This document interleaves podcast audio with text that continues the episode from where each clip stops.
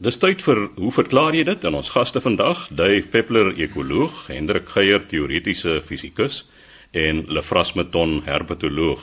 En Hendrik, ons begin vandag by jou en jy gesels oor elektrolise. Ja, dankie Chris. Ons het twee vrae gekry wat verband hou met hierdie proses van elektrolise. Die eerste een van mevrou Joey Strydom van Lindley.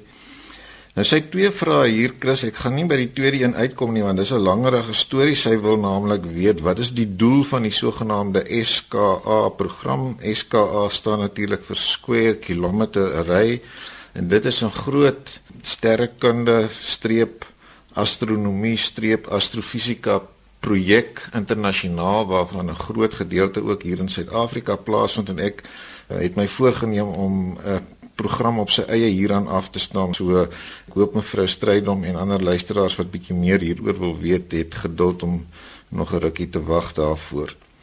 Die vraag wat ek wel aandag aan wil gee, sy sê kortom sy het onlangs op 'n TV-program verneem dat suurstof uit water verkry kan word en sy wil weet of dit inderdaad die geval is. Nou, dit is 'n bekende proses mevrou Strydom wat in die algemeen genoem word elektrolise bestaan daaruit dat 'n elektriese kragbron aan twee sogenaamde elektrodes gekoppel word, sê maar twee metaalplaatjies, koolstofplaatjies of wat ook al, dat die onderskeie elektrodes, die een wat nou aan die positiewe pool van hierdie kragbron gekoppel is, die ander een aan die negatiewe pool in 'n vloeistof of 'n vloeistof met 'n oplossing en dit is die tweede vraag wat ons vandag gaan hanteer se situasie geplaas word en dat die effek van die elektriese stroom wat dan tot 'n mindere of 'n meerdere mate deur hierdie vloeistof voortgeplant word 'n uh, effek het op die vloeistof en of dit wat in oplossing is in die vloeistof en dit is wat ons nou verder kan bespreek. So in die geval van suiwer water moet ons onthou dat water bestaan uit watermolekules bekende H2O wat sê dat elke watermolekuule het twee waterstofatome en een suurstofatoom wat ten nouste met mekaar geassosieer bly onder normale omstandighede. Dit wil sê hulle rangskik hulle in 'n stabiele konfigurasie en elkeen van hulle is dan 'n stabiele watermolekuule, maar as 'n mens energie tot so 'n molekuule of 'n versameling van molekules wat dan 'n vloeistof is sou toevoeg, dan is dit moontlik om hierdie waterstof en suurstof te skei en dit is presies wat dan nou gebeur wanneer 'n mens 'n elektriese stroom deur water laat vloei. So wat 'n mens die katode in hierdie geval die negatiewe gelaaide elektrode noem, is dan 'n omgewing waarin as die water sogenaamd gedissosieer of in sy ioniese komponente opgebreek word, dit wil sê waterstofione wat hulle elektrone in 'n neutrale vorm afgestaan het aan die suurstofatome as daardie positiewe waterstofione word dan na die katode of die negatief gelaaide elektrode aangetrek en soortgelyk die suurstofione na die positief gelaaide anode. En wat dan uiteindelik by die anode vorm onder hierdie omstandighede is suurstofgas. Dit wil sê twee van hierdie vrygelate as ons dit so kan noem suurstofatome kombineer dan weer met elektrone om uiteindelik suurstofmolekules oftewel O2 gas te vorm en dit word dan eenvoudig vrygelaat by die anode. Mens kan praat van oksidasie by die anode. Nou ons kom weer terug by die hele kwessie van oksidasie en die invloed op hierdie elektrodes want hulle kan uiteindelik ook aan hierdie chemiese prosesse deelneem, maar vir die oomblik dan mevrou Strydom, dit is nie 'n 'n besonder effektiewe of ekonomiese proses om suurstof uit water te onttrek nie want dit kos baie energie en daar's ander prosesse wat veel eerder gebruik word om kommersieel suurstof te vervaardig en beskikbaar te maak. Miskien net terwyl mevrou Strydom die vraag so redelik algemeen geformuleer het, naamlik om te vra of 'n mens suurstof uit water kan onttrek, Dis natuurlik iets wat visse ook redelik effektief doen en 'n mens moet onthou dat in water is daar ook opgeloste suurstofgas. En dit is die vermoë van visse se kiewe om daardie relatief lae konsentrasie van suurstof wel effektief te onttrek en dan vir hulle gewone metabooliese prosesse en lewensprosesse aan te wend. Maar dit is iets wat op heeltemal 'n ander vlak natuurlik gebeur. So dit is nie 'n geval waar die suurstof eintlik gemaak word deur dit uit die watermolekules te onttrek nie, maar ons praat in daardie gevalle eenvoudig van opgeloste suurstofgas wat in lae konsentrasies in enige water teenwoordig is. Chris, dit bring my by 'n soortgelyke tweede vraag wat ons ontvang het van Rita Leroux van Bochomsbaai. Nou dit blyk dat sy 'n onderwyseres by 'n plaaskool in die omgewing is en sy sê sy en haar graad 7 leerders het onlangs 'n eksperiment gedoen om te kyk of soutwater elektrisiteit gelei. En nou sê sy soos dit dikwels met eksperimente gaan, het die een ook 'n bietjie anders uitgedraai as wat verwag word. En wat mense natuurlik verwag onder hierdie omstandighede as jy soos ek nou pas beskryf het, die twee elektrodes gekoppel aan 'n battery en 'n gloeilampie in die stroombaan, as jy die elektrodes in soutwater sou dompel, dan is jy veronderstel om te sien dat die gloeilampie brand. Nou wat sy hier in haar eerste punt van 3 punte maak is dat die gloeilampie in die stroombaan het nie gebrand nie, maar in die tweede punt sê sy daar was duidelike reaksie aan die koperdraad vanaf die positiewe pool van die battery. So wat ons hieruit moet aflei is dat daar wel stroom gevloei het want anders sou dit wat sy daar waargeneem het en ons sal nou sê wat dit is wat sy daar waargeneem het inderdaad nie gebeur het nie. So die vraag is hoekom het die gloeilampie nie gebrand nie? Wel sy het nie veel meer besonderhede verskaf nie. So ek sou moet vra of wonder oor watter tipe gloeilampie hulle gebruik het. As dit 'n soort gloeilampie is wat jy in jou gewone daklig inskroef, is dit miskien die rede naamlik dat die weerstand van die gloeidraad so groot is dat dit eenvoudig net nie helder sou brand as jy dit aan 'n flitsbattery sou koppel byvoorbeeld. So jy het 'n flits gloeilampie nodig. Nou as 'n mens aanneem dat hulle ten minste die stukkie huiswerk reg gedoen het, dan kan ek my net voorstel dat hulle die gloeilampie op so 'n manier gekoppel het dat die stroom nog steeds kon vloei. Dit beteken dat die drade nie net aan die twee pole, dit wil sê tipies aan die onderkant van so 'n gloeilampie en eers aan die skroefdraad gekoppel was nie, maar dat dit toegelaat het dat die stroom daar verbyvloei onafhanklik daarvan of daardie gloeilampie inderdaad in 'n werkende toestand was. So daaroor kan 'n mens nou net bespiegel.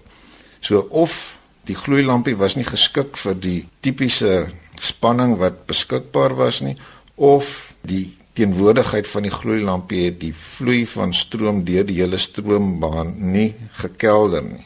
En dit moes definitief laasgenoemde gewees het want ons het nou reeds van haar gehoor dat hulle by die positiewe pool van die battery het hulle iets sien ontwikkel. Sy sê dit het gelyk soos rook wat uit die draad deur die water opstyg en dan maak hulle nou die volgende twee waarnemings. Hulle sê die water het blou-groen verkleur en fyn stukkies van daardie kleur het uiteindelik op die oppervlak begin dryf en dan sê sy ook dat die koperdraad mettertyd al hoe meer weggevreet geraak het en hulle wonder of wat hulle daar gesien het dalk kopersulfaat of koperoksied is wat gevorm het.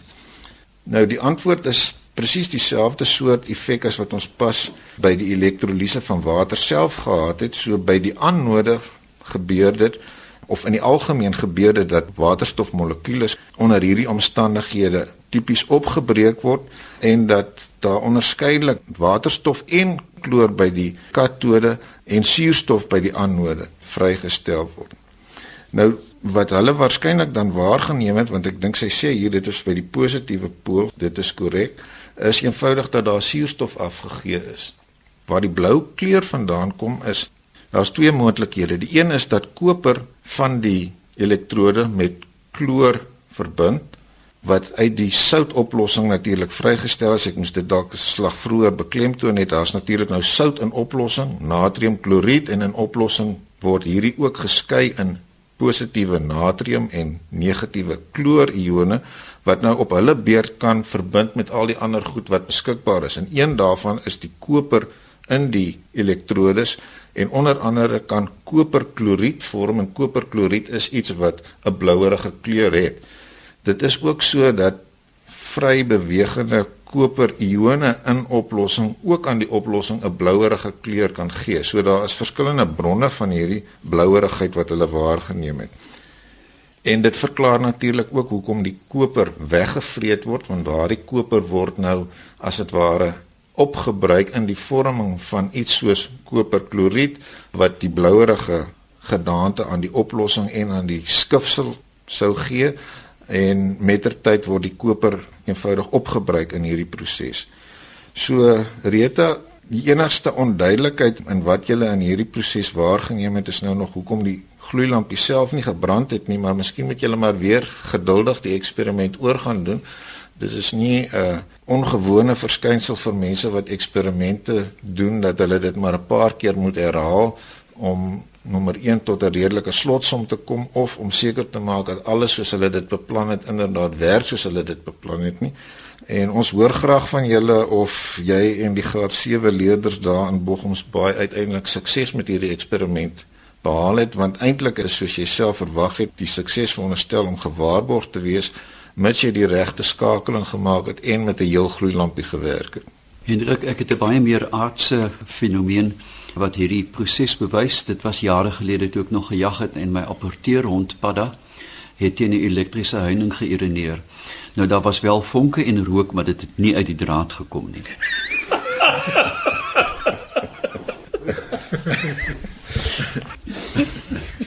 nou ja, so gesels Hendrik Geier, ons teoretiese fisikus, Dave Peppler, ons ekoloog en Dave, jy gesels oor 'n groen bestaan. Ek het 'n wonderlike, werklik wonderlike brief gehad van Brian Simon wat skryf oor sy groen bestaan en ek wil dit dan terugvoer na hoe verklaar 'n mens hoe sy bestaan 'n verskil kan maak. Hy skryf breedvoerig dat hy sê ons tuin is ons kuierplek. Ons is 100% groen en slegs organies. Word nie geen gifstowwe, geen dier of organies mag versteur word nie. En dan sê hy 'n interessante ding, dit is wonderlik watter biosfeer daar ontwikkel het.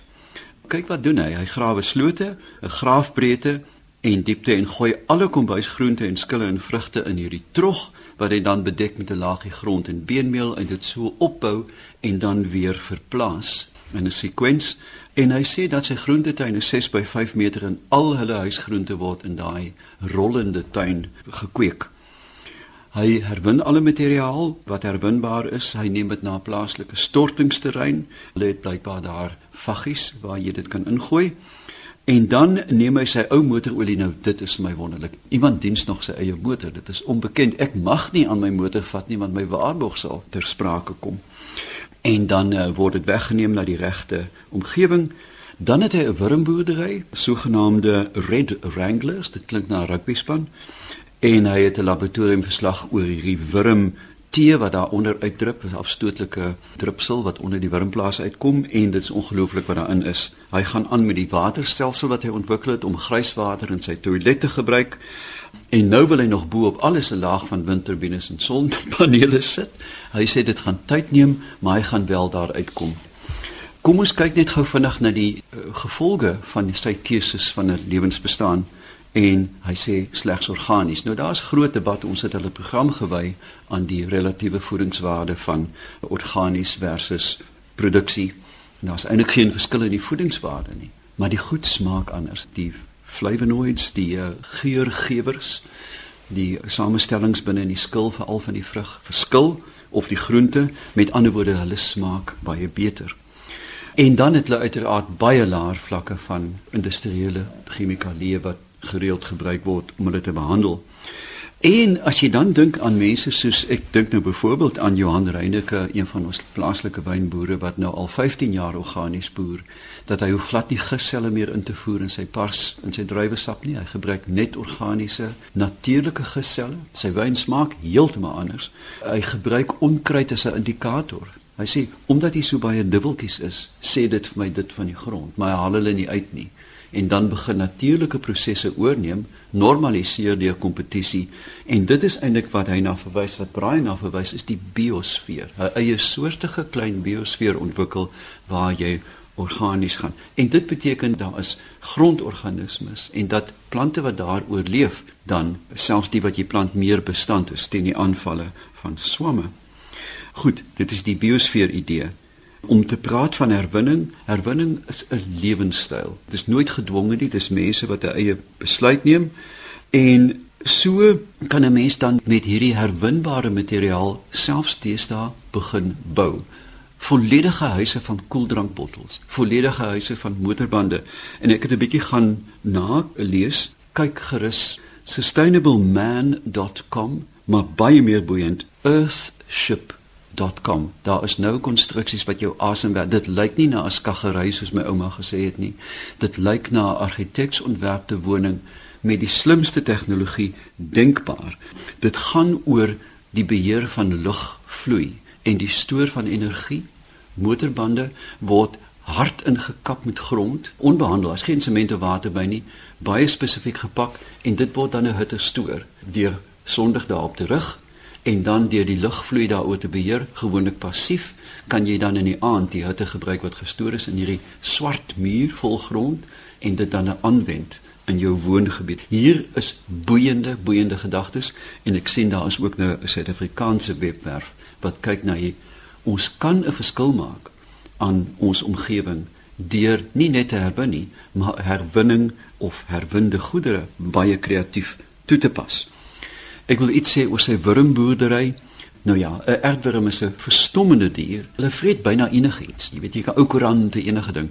Ek wil tog net 'n waarskuwing rig oor die Red Wranglers, die klein rugby spannetjie dat hulle geneig is tot indringing. Jy weet dat hulle ons natuurlike wurms kan verdring. Hulle is aggressiewe kompeteerders vir 'n voedselbron en ek dink ons verstaan nog nie die effek op die omgewing as ons hulle sou vrylik loslaat in groot gebiede nie. Sy tankstelsel is 'n wonderlike idee. Daar is geen rede hoekom jou stortwater nie jou toilet kan spoel nie. Esteties, ja, dit gaan 'n bietjie valer wees as gewoonlik, maar ons het ook 'n beheptheid met goed wat moet helder wees. Hoe wit kan 'n hemp wees? Hoe blou kan wasgoed wees? ons is te geneig om ons uh, omgewing te skoon wil hê. Jy weet hoe wit kan 'n wasbak wees? 'n Bietjie gruiswater onder in bak gaan niemand seermaak nie. Maar dan moet 'n mens versigtig wees om hierdie water in tuine aan te wend as gevolg van nitrate en nitriete wat later ontwikkel en jou tuingrond se chemie baie sterk kan beïnvloed. Hy dink aan windturbines en sonpanele, ek sê doen so voort. Die koste van hierdie panele val by die dag. Hulle is nou 50% wat hulle 5 jaar gelede was en gaan met Elon Musk se batteryfabriek nou in Kalifornië nog verder val binne die volgende 5 en dramaties val binne die volgende 15 jaar. So hier's groot ontwikkelings. Ek wil net afsluit deur te sê dat een mens wat 'n biosfeer skep, is onbeduidend. Hier is die stomme Brian Simon besig met sy klein biosfeer. Maar as hierdie idee posvat en jy begin eilande van biodiversiteit skep, binne stedelike gebiede kan jy werklik 'n groot bydrae maak tot biodiversiteit want organismes kan nou van eiland na eiland begin beweeg. En ek dink dis mense soos Brian wat werklik eintlik die vaandeldraers is vir stedelike biodiversiteit. En ek wil net vir hom sê baie baie baie geluk. Ek bewonder jou. So gesels Dave Peppler, ons ekoloog, laaste aan die woord vandag oor rotprobleme en dit is Lefras Meton. Chris Ek het 'n brief ontvang van MAJ Grobelaar van die strand. Hy sê die plaveisel buite sy huis is op 'n plek besig om in te sak. Nou wil hy weet, kan dit rotte se tonnels wees wat die oorsaak is, want hy het al rotte daar gesien. Hy sê by Langebaan het hy rotte gesien wat by gate uitkom in die veld en dit het hom laat dink dat rotte tonnels grawe en hul dalk die sondaars kan wees. Ja, ons ken almal rotte. Miskien moet ons net vinnig sommer in die algemeen gesels wat is 'n rot? Die rotte wat ons hier in die stedelike omgewing kry, kan een van twee spesies wees. Die gewone huisrot, Rattus rattus, en, en dan kry ons ook die Noorse rot of 'n breinrot, Rattus norvegicus. Nou, die algemene rot wat die grootste verspreiding het in Suid-Afrika is die gewone huisrot. Albei hierdie rotspesies is indringers en hulle behoort tot die genus Rattus. Dit is met ander woorde die ware rotte. Daar is so 64 spesies in daardie groep. Maar daar's baie ander knaagdiere of in hierdie groep wat ook rotte genoem word. Dan is daar ander wat muise genoem word en mens wonder nou altyd wat is 'n rot en wat is 'n muis? Die verskil is maar bloot net op grootte. Hoe groter die diertjie, dan sal hy 'n rot genoem word, as hy kleiner is word hy 'n muis genoem. En in Suid-Afrika is daar klomp spesies van ons inheemse Rodentia knaagdiere wat rotte genoem word. En die wat hy by Langemaan gesien het, ek weet sommer nou al dit is waarskynlik vleirotte. Dit is van ons inheemse spesies. Hulle het sulke ronde oortjies, mooi groot. Hy lyk soos 'n rot, 'n redelike grouwe pels en daar's twee spesies wat daar voorkom, die gewone vleirot of die karoo vleirot. Nou die gewone vleirot kan in gate van ander klein diertjies, muise of so bly en dit is waarskynlik hulle wat hy daar gesien het. Hulle grawe nie self tonnels nie, maar hulle kan dit gebruik. Dan die Karoo vleirot, hulle bou neste van stokkies. Mens sien oral daar in die veld in die lae struike hierdie hoope stokkies. Dit dui op hierdie vleirot wat daar bly. Nou hierdie stokkies neste soos ons dit noem, is natuurlik so 'n klein uh, ekologiese stelsel op sy eie. Daar's verskeie ander diere wat dan nou ook in hierdie stokkiesneste skuilings soek. Maar die vraag is die gewone huisrot grawe hulle tonnels.